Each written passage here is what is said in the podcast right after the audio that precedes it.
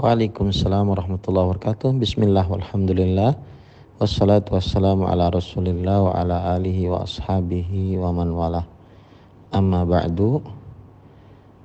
Persusuan yang menyebabkan kemahroman adalah seorang bayi menyusu kepada seorang perempuan sebanyak lima kali persusuan kenyang.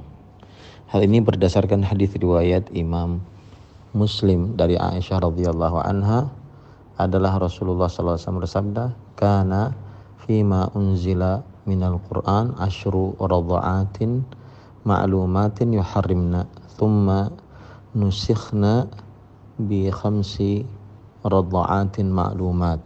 Ay kama qala Nabi sallallahu alaihi wasallam.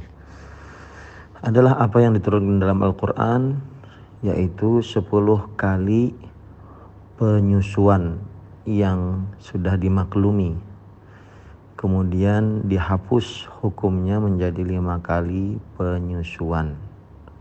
Oleh karena itu, jika seorang bayi menyusu kepada seorang perempuan sebanyak lima kali persusuan kenyang, maka pada saat itu dia menjadi mahram bagi si perempuan tersebut. Wallahu alam.